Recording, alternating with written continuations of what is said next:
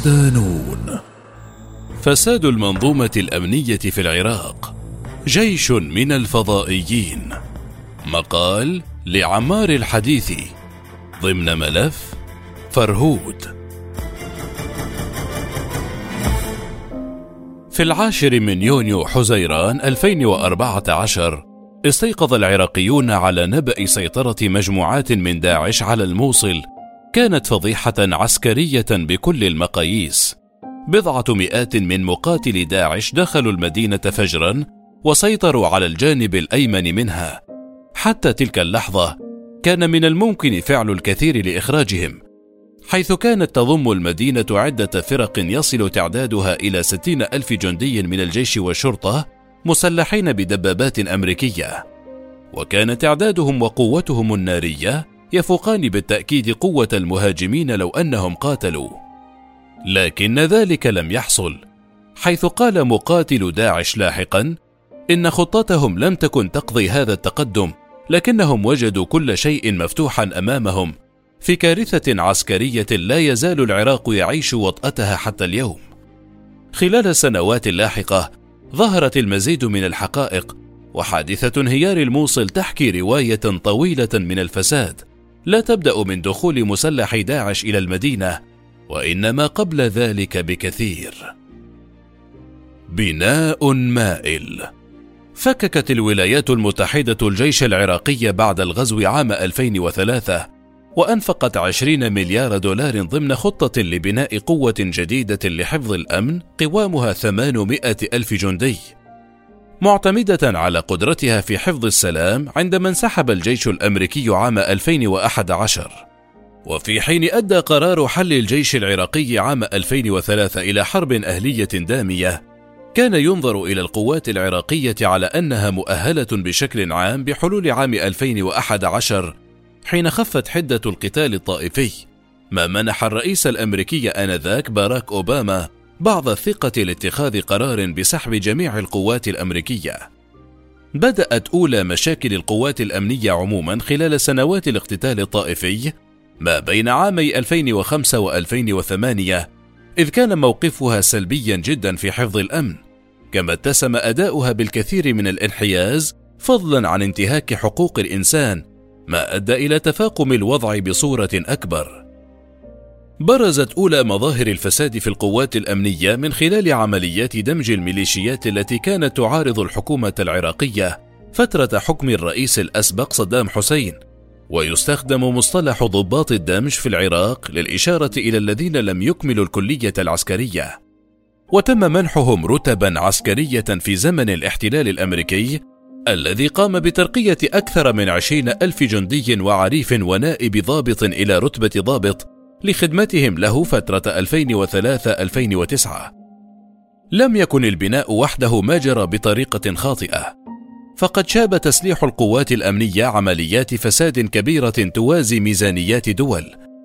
ففي جلسة برلمانية شهيرة قال وزير الدفاع الأسبق خالد العبيدي إن هناك ضغوطا كبيرة لتمرير صفقات فساد بعقود شراء عربات مدرعة وصفقات عربات مدنية وصفقات فساد في عقود الطعام والذخائر والتجهيزات العسكرية وكلها عقود تعود لمتنفذين من أعضاء البرلمان العراقي.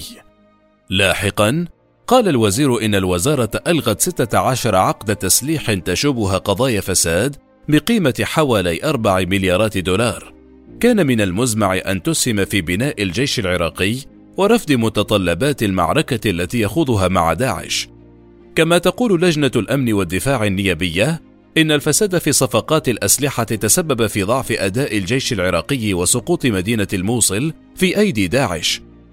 وأشارت اللجنة أيضا إلى عدة ملفات تم فتحها والتحقيق فيها بعد الانتكاسة الكبيرة التي تعرض لها الجيش العراقي في الموصل وصلاح الدين والأنبار خلال عام 2015 قال نواب عراقيون إن صفقات الأسلحة تعتبر من أكبر عمليات الفساد الإداري والمالي في عهد حكومة رئيس الوزراء السابق نور المالكي لم تكن أية عملية بسيطة تخلو من فساد تقريبا فحتى صفقة بسيطة لشراء خمسين ألف بندقية تشيكية بقيمة 36 مليون دولار كانت فاسدة بعدما تبين أن البنادق غير صالحة للاستعمال. لكن من بين الصفقات الأكثر عصفا بالبلاد صفقة أجهزة آي دي إي 651 لكشف المتفجرات. والتي تبين فيما بعد أنها أجهزة للكشف عن بقايا مواد التنظيف وكرات الجولف حيث كلفت هذه الأجهزة العراق 85 مليون دولار لصالح شركة بريطانية. لكنها كلفت أيضا مئات الضحايا الذين راحوا جراء التفجيرات نتيجة فشل هذه الأجهزة في كشف السيارات المفخخة التي كانت تضرب بغداد خلال السنوات العشر التي سبقت احتلال داعش للموصل. وبينما أسفرت التحقيقات البريطانية عن إدانة صاحب الشركة وحبسه ودفع تعويضات بقيمة 2 مليون دولار فاصل ثمانية. لم يقم القضاء العراقي بمحاسبة أي شخص في هذا الملف. وتذكر مصادر برلمانية إن الحكومة أنفقت على شراء السلاح أكثر من 150 مليار دولار من مناشئ مختلفة. ما استدعى التوقف عند هذا الرقم ومقارنة ترسانة الجيش ووضعه الهزيل واسترجاع انكساره أمام بضعة مئات من مقاتلي تنظيم داعش في الموصل أو خسارته للمدن الشمالية رغم ما تم إنفاقه على الجيش. في هذا الخصوص قال عضو لجنة النزاهة البرلمانية عادل نوري إن اللجنة راجعت عقود التسليح التي أبرمها العراق خلال السنوات العشر الأولى مبينا أن تلك المراجعة نتج عنها كشف ملفات فساد كبيرة بمليارات الدولارات تتعلق بعقود الأسلحة الروسية والطائرات التشيكية، فضلا عن العقود التي تم توقيعها مع بلغاريا والصين وأوكرانيا، والتي شملت كميات كبيرة من الأسلحة ضمت دبابات ومدرعات ومدافع. وأشار نوري إلى وجود مخالفات متعلقة بعقد وقع مع إحدى الدول لشراء 400 مدرعة. اتضح فيما بعد وجود تشققات في 86 منها، ومع ذلك أرسلت إلى جبهات القتال بعد إعادتها إلى بلد المنشأ أو تغريم الشركة المصدرة. لافتا إلى أن تلك الدولة تعوضت العراق تحت مسمى مواد أخرى بدل تغريمها مبلغ تلك المدرعات وتمت تسوية الموضوع. وأضاف: كان هناك أيضا عقد شراء الطائرات التشيكية آل 159 وتعلق الأمر بالتلكؤ في مدة التجهيز والنوعية والمبلغ الذي تم تسديده حيث إن بعض تلك المخالفات تورط بها مسؤولون في مديرية التجهيز والعقود بوزارة الدفاع وأحد وزراء الدفاع السابقين. يعتبر عقد طائرات التدريب التشيكية نوع ال 159 إحدى أشهر عمليات الفساد في تسليح الجيش. حيث ذكرت مصادر تشيكية أن الجيش التشيكي اشترى من شركة إيرو فودوخودي 72 طائرة من نوع آل 159 القتالية الأقل من سرعة الصوت. استخدم ثلثها وظلت البقية جاثمة دون استخدام.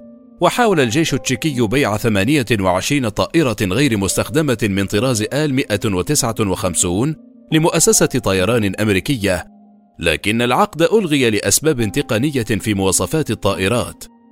ثم حاولت الحكومة العراقية شراءها بعقد خيالي بلغت قيمته مليارا وأربع ملايين دولار.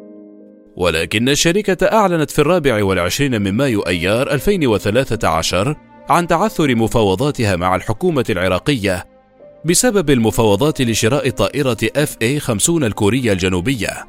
ولكن السبب الحقيقي كان سقوط إحدى الطائرات أثناء اختبارها ومقتل طيارها التشيكي. وفي الخامس عشر أبريل نيسان 2015 عادت الحكومة العراقية ثانية للتعاقد على شراء هذه الطائرات وأعلن المتحدث باسم مجموعة شركات بينتا بينتا انفستيسمنت أن وزارة الدفاع العراقية وافقت على شراء 12 طائرة تدريب هجومية خفيفة الوزن تشيكية من طراز آل 159 من طائرات الجيش التشيكي التي سبق أن رفضت استلامها بقيمة 200 مليون دولار.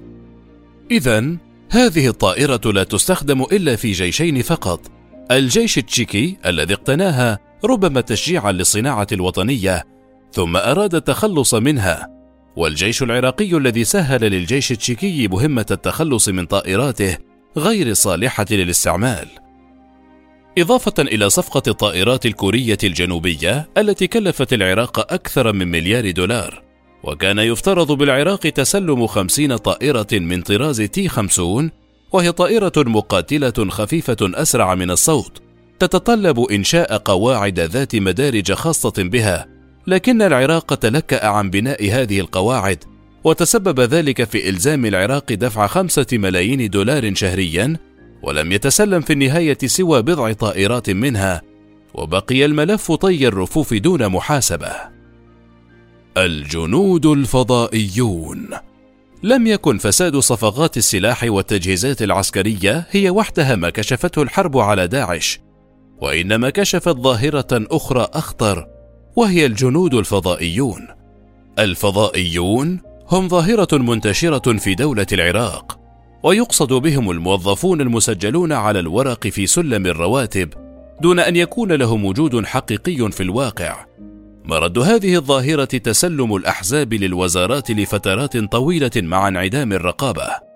بحسب رئيس الوزراء العراقي الأسبق حيدر العبادي، يقدر عدد الفضائيين في القوات الأمنية بحوالي خمسين ألف مقاتل ما يعادل تقريبا فرقا.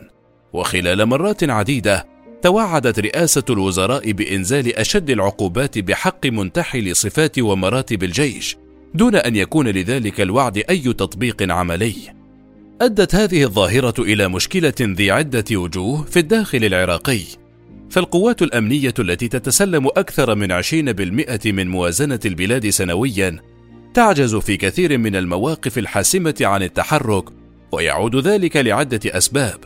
أولها البناء المختل للقوات الأمنية إذ تم بناؤها منذ البداية على أساس طائفي هدفه دعم الإقصاء في تلك المرحلة.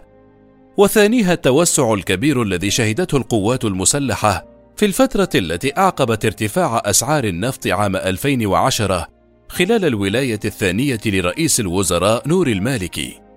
شهدت تلك الفترة اتفاقية وضع القوات سوفا التي وقعتها الحكومتان الأمريكية والعراقية عام 2008 ونصت على انسحاب القوات القتالية الأمريكية من المدن العراقية بحلول الثلاثين من يونيو حزيران 2009 ومن العراق تماما بحلول الحادي والثلاثين من ديسمبر كانون الأول 2011 وهذا عنا زيادة في نفوذ رئيس الوزراء نور المالكي الذي أراد المسك بالسلطات من خلال ضمان ولاء المؤسسات الأمنية. وهكذا تم تحشيد الكثير من الجنود والمراتب في القوات الأمنية دون امتلاكهم كفاءة حقيقية سوى الولاء للمالكي بحسب النائب حميد عبيد المطلق عضو لجنة الأمن والدفاع السابق هناك ما يقارب المليون ونصف مليون عنصر أمني في العراق وهذا يعني أن ما يقارب 23% من جميع الموظفين العراقيين يعملون تحت إدارة إحدى الدوائر الأمنية، ونتيجة لذلك تخصص الحكومة الأموال لضمان ولاء نسبة كبيرة من مواطنيها، ما يعزز بدوره شعبية المالك الانتخابية. إضافة إلى هذه الأسباب، لم تكن هناك إرادة حقيقية من الأساس لبناء دولة وطنية، علاوة على أن يحميها جيش وطني، حيث كانت النتائج المباشرة لكل هذا فشل الأجهزة الأمنية في الأغلبية الساحقة من المهام المكلفة بها. يقول المبعوث الأممي الخاص غسان سلامة: إن الفساد كان العنصر الحاسم لانتصار داعش في الموصل. حين يعرف الجندي أنه في الحقيقة لا يدافع عن بلده، وإنما يدافع عن منظومة الفساد التي تبدأ من رؤسائه وصولا إلى أعلى الهرم السياسي، فإنه يفضل الانسحاب على القتال أو الموت ليبقى الفاسدون في السلطة. نتائج كارثية. في الفترة التي أعقبت عمليات التحرير ظهرت النتائج الكارثية لبناء المؤسسة العسكرية بشكل مختل. حيث تولى الحشد الشعبي وهو اتحاد لمجموعات من الميليشيات مهمة قتال داعش وطردها من الأراضي العراقية. وأعطى هذا الأمر تلك الميليشيات اليد الطولى في الشأن العراقي الداخلي. وتحولت قوات الأمن ذات المليون مقاتل إلى مجرد قوات متفرجة لا تتدخل أمام عمليات القتل التي تمارسها الميليشيات.